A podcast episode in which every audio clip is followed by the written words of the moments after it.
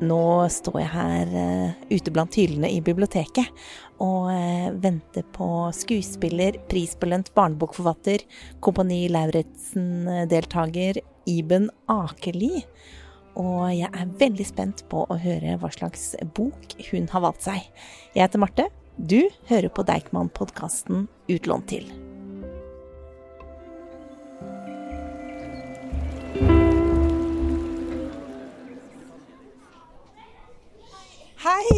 Hei! Iben. Marte. Hei, Hyggelig. så hyggelig.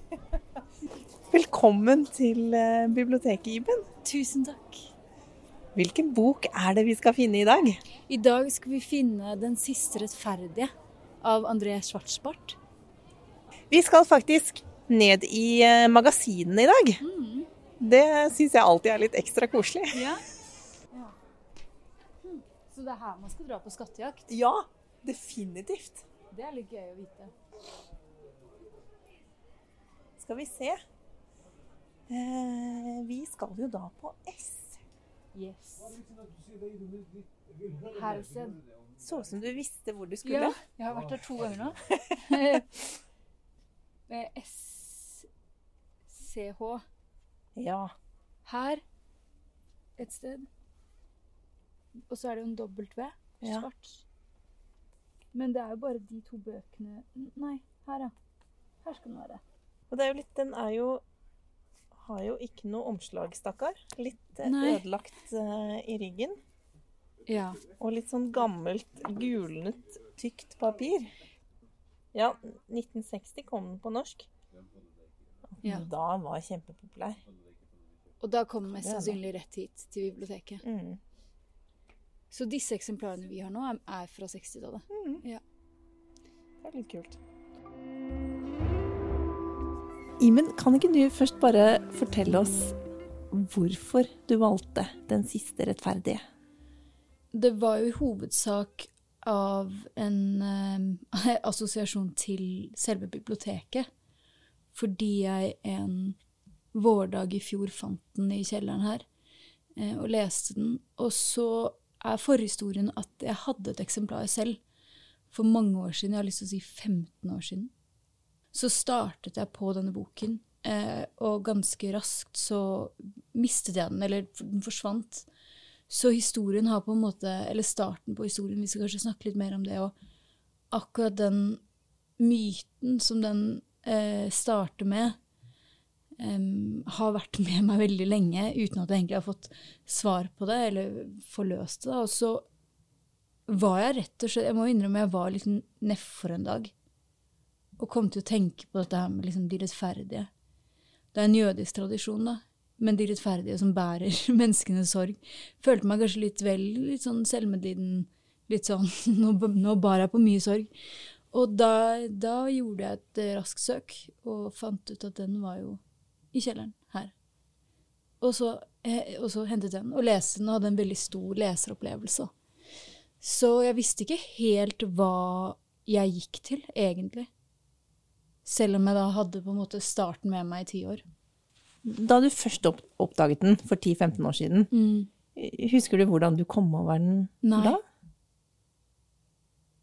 Det er, jeg tror det er bare en bok som har kommet til meg. Fordi jeg har ikke kjøpt den. Var hjemme hos meg der jeg bodde da. Eh, og det var jo mitt første hjem etter at jeg hadde flyttet ut, og den kom ikke med mitt flyttelass. Så den bare var der. Når boken valgte deg? Ja, det var en av de, det er en av de historiene. For du sa den, den begynner jo med denne myten om de Mm. rettferdige. Kunne du kort liksom si noe om den myten? Ja, eh, det er en jødisk myte om at det er 36 individer i, i hele tiden blant uh, jødene som har et slags ansvar for Eller de bærer alle jøders sorg, da, kan man si. De kalles de rettferdige eller lammet waff. Og uh, noen vet at de er en rettferdig, og andre vet ikke. Uh, og så har jeg skjønt at den, um, den myten er sann. Og så fortelles det denne historien om en veldig spesiell slekt som sies å få arve, at hvert slektsledd arver en, eh, eller føder en ny rettferdig. Det har jeg skjønt at ikke er ekte. Det er da fiksjonen i denne boken. Og Den starten er jo litt spesiell. Du reagerte jo litt på den starten. Jeg måtte jo ringe deg for å få motivasjon til å fortsette å lese. Ja. Altså, jeg synes jo, jeg, Den starten har jo vært med meg i veldig mange år, og jeg føler jeg leser mange bøker som jeg egentlig ikke husker hva det handler om. Jeg sitter jo selvfølgelig igjen med noe, men jeg synes jo for min del har den gjort et sterkt inntrykk hjemme at jeg husker mye av det. Altså jeg husker ikke detaljene, og det er jo kanskje disclaimeren her, da. Ikke, ikke heng deg opp i detaljene i starten, for de er mange. Og det er navn, og det er årstall. Det er mer en slags på en måte Det er bare en innføring i den myten, da. For jeg leste de skal påta seg slektens byrder og sikre dens fortsettelse. Ja. Så de skal liksom ta på seg sorgene, da. Ja. Og på et tidspunkt så står det et eller annet med at når en, en rettferdig kommer da til himmelen til Gud, så tar det mange flere år før liksom et eller annet Gud kan slippe for han har så mye sorg inni seg. da. Men jeg tror, i alle de årene jeg har tenkt på den myten, så tror jeg nesten Jeg har ikke tenkt på den som jødisk, men jeg bare syns det er et utrolig godt utgangspunkt for en historie, eller for et eventyr, da, som jeg nesten syns det her er. Og jeg har bare hele tiden tenkt på den karakteren som er en som bærer så mye sorg. Og de må jo på en eller annen De må jo finnes der ute, de som bærer mer og tar mer innover seg. Det begynner jo da med, med denne myten, og det, det er en litt sånn voldsom begynnelse. Det er mye Ja. død og lidelse. Mm. Men hva er det som hva er det som skjer liksom i resten av boken? Hva er det boka handler om? Ja, etter denne starten så kommer man jo inn i eh, Ikke i nåtiden, men vi kommer vel inn i en for ordentlig inn i denne Levi-slekten på midten av 1800-tallet, kanskje. Og at da fødes bestefar, vel. Og så følger man egentlig tre slektsledd ganske raskt til du kommer til Ernie Levi, som da man skjønner er den siste rettferdige som boken handler om. Og fra da av er det historien om han og hans liv mot da enden. Som jo er eh, andre verdenskrig og Ja. eh, gasskammeret. Mm. Så det slutter jo også Det begynner å slutte ganske grusomt. Det gjør det. Jeg synes også, Det som fascinerer meg veldig med denne boken, er at jeg syns samtidig den begynner og slutter et helt annet sted med tanke på den fortellerstemmen som man kanskje kan irritere seg litt over i starten, er veldig tro mot seg selv gjennom hele boken, men er også noe helt annet da den slutter. Og er tidvis noe Den er veldig tro mot objektet. Eh, når man blir kjent med bestefar, med far, og da lever vi også gjennom måte barndommen, og når han blir ungdom, så er det Det er så mange skift i den fortellerstemmen som jeg syns er veldig, eh, veldig tilfredsstillende å lese. Eh, så selv om det ender like mer, nesten, mer tragisk enn ved starten, fordi du har ikke samme Du er ikke like investert i alle disse eh, rettferdige som på, blir brent på bålet og holdt på, men den ender like tragisk, men enda mer følsomt, da. Fordi jeg syns den fortellerstemmen gjennom har vært så vært veldig effektiv, og selvfølgelig så er omstendighetene også grusomme nok til å, til å gjøre det følsomt. Men eh, jeg syns også det er veldig interessant Jeg bare syns det er et så godt grep, holdt jeg på å si, for den karakteren som er Ernie òg. Når han får vite at han muligens kanskje er en rettferdig, og hva det gjør med det lille barnet som han fortsatt er. Eh, og hva det gjør med hele resten av livet hans, bare den innføringen i den, i den myten. Jeg tenkte vi skal eh, komme litt tilbake til han Ernie, men kunne du eh, lest litt eh, for oss først? Ja, det kan jeg. Historien er veldig eventyraktig, starter sånn og blir det mindre og mindre og mindre. Og så er det noen ekstremt tydelige skift som kommer der i, hvor det plutselig er fakta. Og det, det er, de øyeblikkene griper meg veldig sterkt. Så jeg kan egentlig lese Det er ikke et godt eksempel på humor, men det er et veldig godt eksempel på det som veldig tydelig skift. Er, eh, men da må jeg røpe litt, da. Det er jo etter det selvmordsforsøket. Skal vi se, der står det 2,26, kan det stemme? Det her er ganske langt ut i boken, da. Hvor Ernie nettopp har prøvd å ta Han er liten, kanskje 10-11-12 år, og forsøkt å ta sitt eget liv.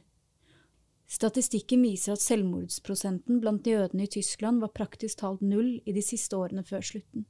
Slik var det i fengslene og gettoene, alle disse mørke gapene hvor dyrets snute stakk opp av avgrunnen. Ja, endog på terskelen til krematoriene, verdens anus, som en lærd nazi-jakttager kalte dem. Etter 1934 var det allikevel dusinvis av små jødiske skolebarn i Tyskland som meldte seg opp som selvmordskandidater, og i, tus i dusinvis besto de prøven. Slik tar Ernie Levis første død ydmykt plass i statistikken ved siden av dusinvis av lignende dødsfall, men for dem ble det ingen morgendag. Det er beundringsverdig at de tyske lærerne som underviste de ariske elevene i mord, underviste jødiske barna i selvmord. Dette punktet kaster lys over den tyske teknikks enestående strenghet og enkelhet, som den ikke ga avkall på selv i undervisningen av barna. Og det er jo, ja, liksom et stykke fra prosaen på en eller annen måte, som er veldig sterk gjennom hele boken. Og så kommer det disse, jeg tror det er tre-fire brudd, hvor du får årstall, hvor du får navn, som er reelle. Oppi, altså de byene vi ble kjent med, Eh, Semjok og Stillenstad, det er begge funnet på Det er veldig mye som bare er funnet på i en verden som også er dypt historisk og reell. da. Og det er veldig sånn effektfullt på meg, i hvert fall, med de skarpe skiftene. Jeg syns det er mange sånne gode frempek da, i boka. Mm. Det var ett som jeg stoppet opp eh, som Hvor eh, ja, nazismen ikke bare ulmer, men nærmest eksploderer, hvor det, hvor det, er noen nazister som setter fyr på en synagoge. Mm. Um, men det er bare én uh, som blir drept, men som ja. blir kvalt av røyk eller, ja. og brent. Ja. Én. Eller det var et veldig sånn skremmende frempek mot det vi det skjer, vet skjer, da. Og det er på starten av 30-tallet, kanskje. Mm. Mm. Det er jo en historie hvor alle vet hva som skjer. Man vet hvor det ender fordi det er historisk. Der syns jeg språket spiller en veldig fin og litt sånn Det er ikke galgenhumor, det er ikke tragikomisk. Det er liksom dypt tragisk, men det er også noe veldig vittig med veldig mye av fraseringene, for eksempel, og hvordan man eh, Hvordan han gir alle disse hintene. På et tidspunkt så skriver han sånn I Paris i dag eh, er et liv kortere enn en barneskjorte. Som er liksom morsomt og kjempetrist på en gang. Og de føler jeg liksom følger hele boken. Eh, I hvert fall fra liksom da Ernies liv starter. da. Ute, han får seg en kjæreste på slutten her, rett før det går helt den veien det går. Eh, hvor det også bare er sånn Vær, vær er så vakkert som det aldri mer ville bli i de to barnas liv.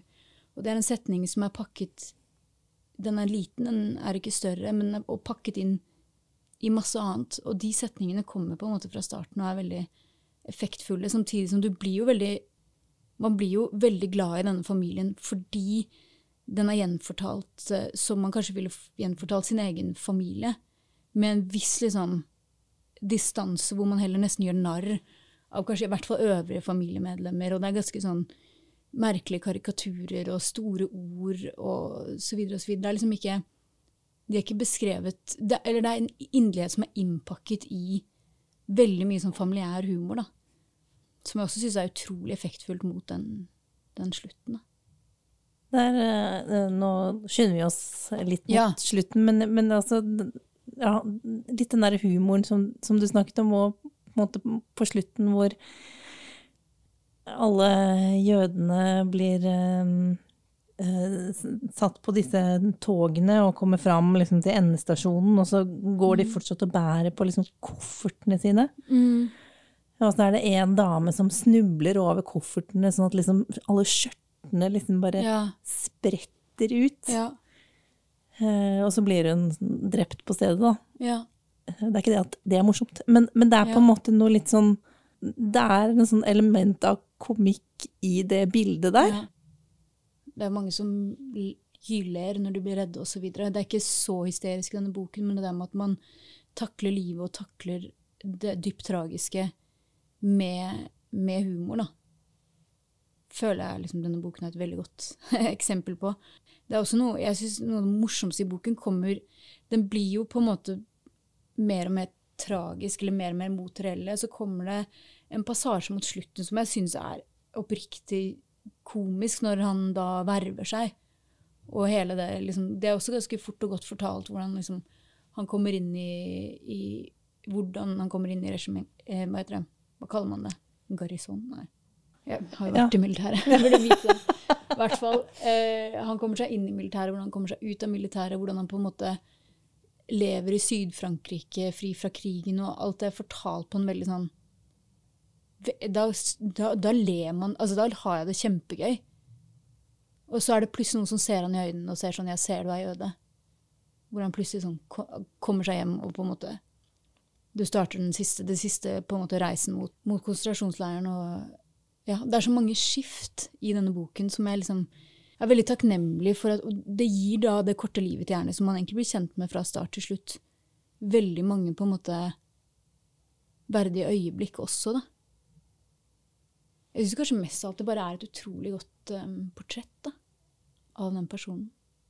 For nå har vi jo snakket mest om han ja. Ernie.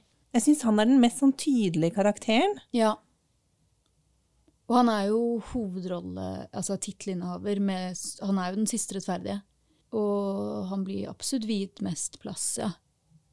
Før det så er det jeg, Men jeg syns jo også det er verdige øyeblikk før, spesielt i møte med bestemor og bestefar. altså Mutter Judith syns jeg er en ganske er en veldig god karakter.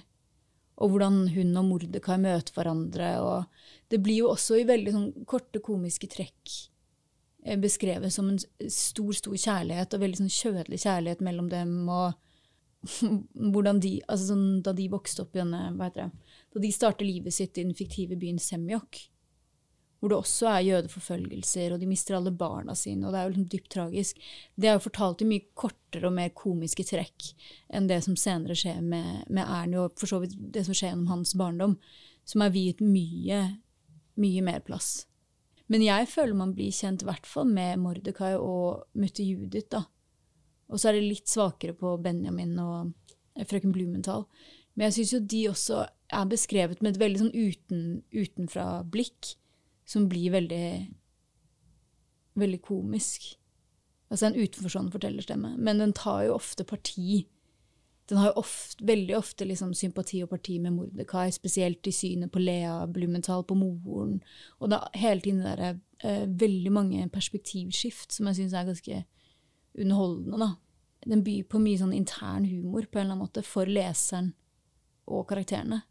Benjamin er jo sønnen til Mordekai og mm og uh, Judith. Og Benjamin og frøken Blumenthal, mm. de får jo to sønner. Ja. Og så forventer man liksom at Ernie skal være den førstefødte, men han er jo nummer to og den ja. litt sånn svaklige. Uh, eller har det noe å si, tenker du? At, at han ikke var den førstefødte? Det vet jeg ikke, men det er jo et slags fellestrekk mellom, mellom Benjamin og sønnen Levi. Benjamin er den førstefødte av Judith og Mordekai, men også, de ble veldig skuffet da han ble født, for han var så utrolig liten. og, og så videre, og så videre. Men så fikk de heldigvis masse andre barn som ble store og sterke. Som jo da alle dessverre dør en, da det er en sånn forfølgelse i den byen i Semjok. Så de har bare Benjamin, som de ikke har noen forhåpninger til, og de har latt bli skredder og bla, bla, som da skal føre familien videre, og blir jo satt inn i dette litt arrangerte ekteskapet med, med Lea Blumenthal de får i hvert fall da første Moritz, som er en sånn sterk, pluggete gutt som er rett ut i gaten og slåss. Og så får de Levi, engelen, som er liten, og som bare drømmer og fantaserer og leser ridderbøker og lar seg fordype i liksom bestefarens eh, religiøse skrifter og blir beskrevet som en veldig skjør, liten gutt, da. Og har sin oppvåkning allikevel ung, der du nevnte denne altså Før brannen i synagogen, men da de blir angrepet i synagogen, som likevel er tidlig på 30-tallet, hvor denne lille gutten får det for seg å, å gå mot nazistene og skrike. da. Og det er også noe som blir tatt gjennom hele boken. Skrike. Men det er jo da i hvert fall Mordekai får litt sånn blod på tann, eller hva jeg skal si, og får det for seg at, at Levi er en rettferdig, da, når han gjør, får et innfall og skriker mot nazistene. Og er, jeg syns også det er veldig morsomt i de, i de første liksom, dagene når Levi blir fortalt at han er en rettferdig, og hva det gjør med på en måte barnesinnet hans. Da. Han er jo likevel et barn på dette tidspunktet. Hvor fortelleren er veldig tro mot det. Hvor Levi for det første får noen utrolige fantasier om hvilke måter han skal dø og lide på. Altså Han fantaserer jo stort om sin egen liksom, martyrdom, som jo allikevel blir Den får jo sin oppfyllelse mange år senere. men på det stadiet når han er et barn, og den ridderligheten og den storheten han ser for seg. Så går jo så langt til at han, han begynner jo så smått å liksom selvskade seg for å liksom bygge opp sin egen um, tol toleranse mot smerte. Og det er liksom ikke måte på da, hva han skal gjennom for jøden, og får noen ganske liksom, flotte storhetstanker. Som der og da er veldig morsomt. Det er veldig underholdende. Og så er det allikevel en, en profeti i det. Er eh, Ernie en karakter du kan kjenne deg igjen i? Ja, det kan jeg absolutt. Jeg har ikke så mye Jeg lever jo ikke i, den, i de tragiske omstendighetene han gjør. Men det der med Jeg syns det er veldig godt portrett av et barn. Jeg kjenner meg veldig godt igjen i det. Med den ville fantasien. Og på en måte liksom storhetstanker. Og, og det, det, det tror jeg mange barn har. Det der med å se for seg alt som skal skje i livet. Og han har også et veldig stor ansvarsfølelse overfor familien. Han skal virkelig sånn redde familien. Og det der med å liksom være et lite barn og likevel føle ansvar for de rundt seg, og sånn er jo kjenner jeg meg ganske godt igjen i. Tror jeg mange gjør. At man på en måte ja, man tror man er litt større enn det man er, på en eller annen måte. Jeg føler jeg hadde større tanker da enn jeg har nå, om på en måte hva jeg skal utrette for både meg selv og andre. og det er noe veldig sånn herlig naivt som jeg syns er godt beskrevet i, i, den unge Levi. da.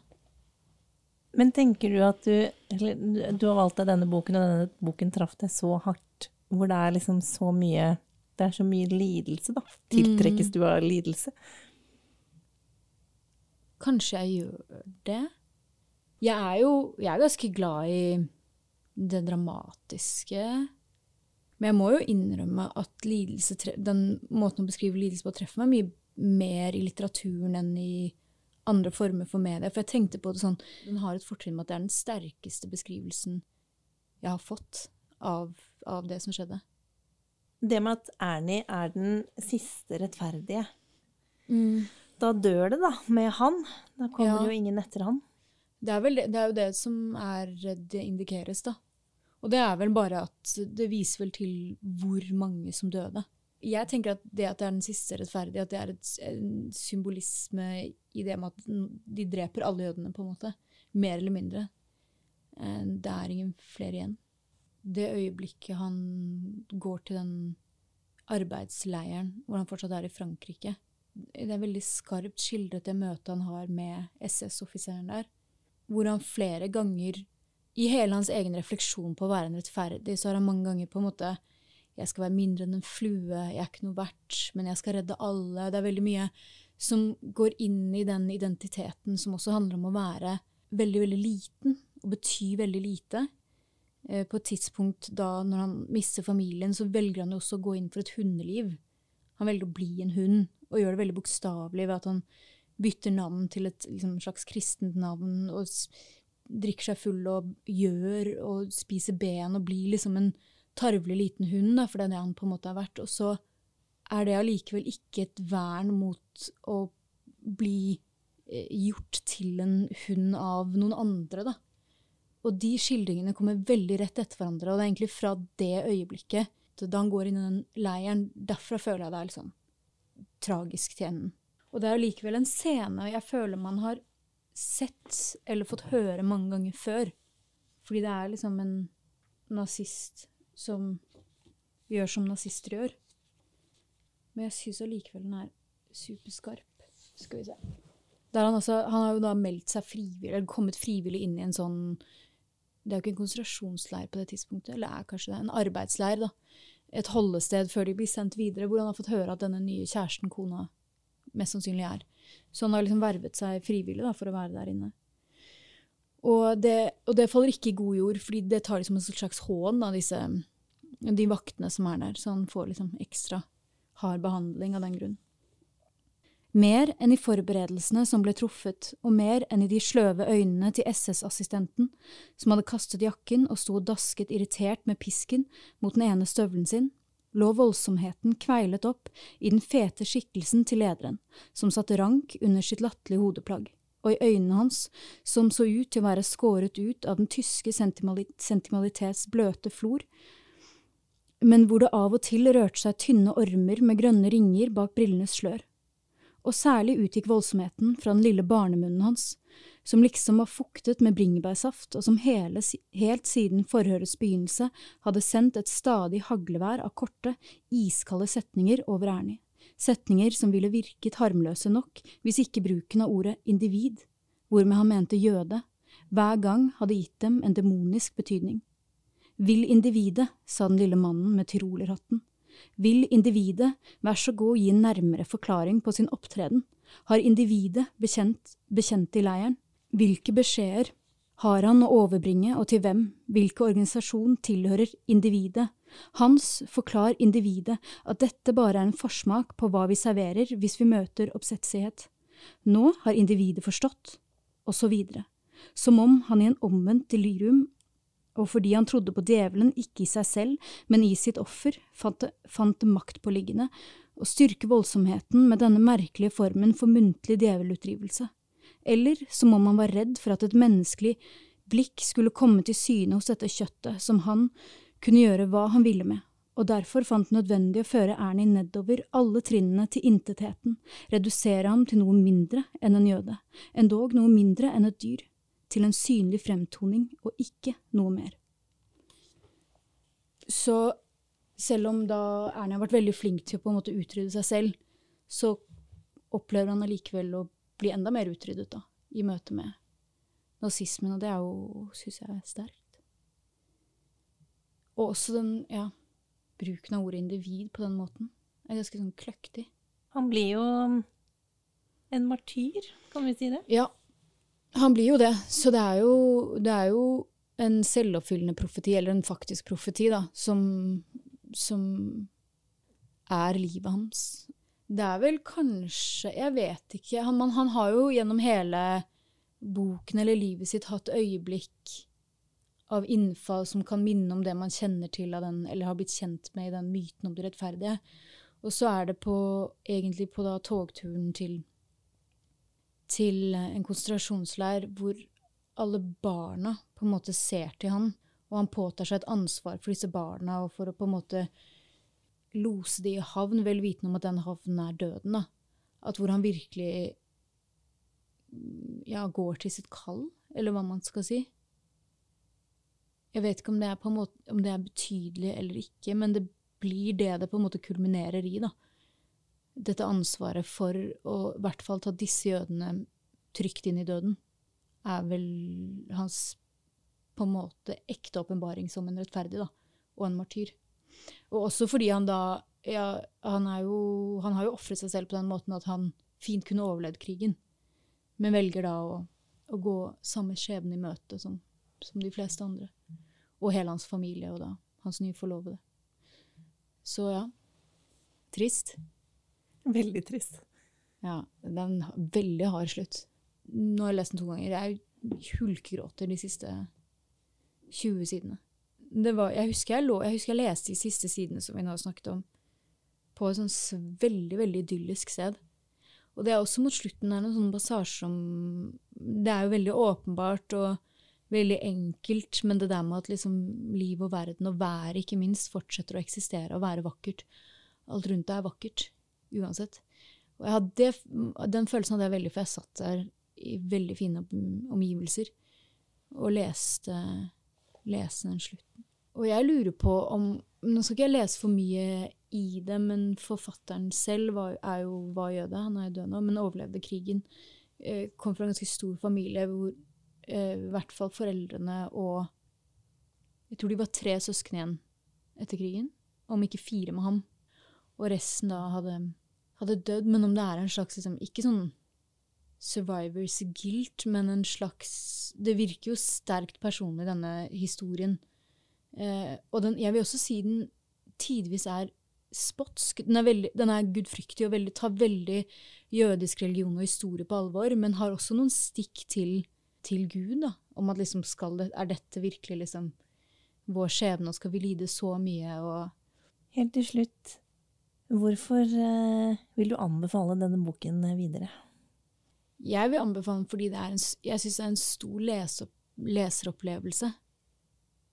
Jeg syns det er få bøker som starter ett sted eh, og tar deg et helt annet sted, selv om du vet akkurat hvor det stedet er.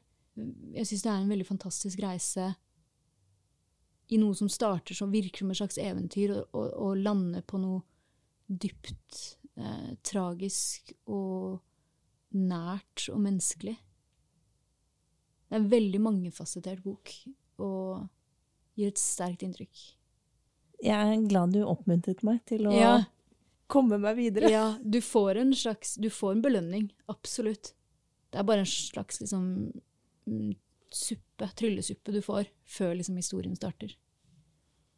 Tusen takk, Iben, for denne fine praten. Ja, selv takk. Og takk til deg som har lyttet til eh, Utlånt til. Den siste rettferdige av André Schwartz Barth og oversatt av Valdemar Brøgger. Den kan du låne her på biblioteket.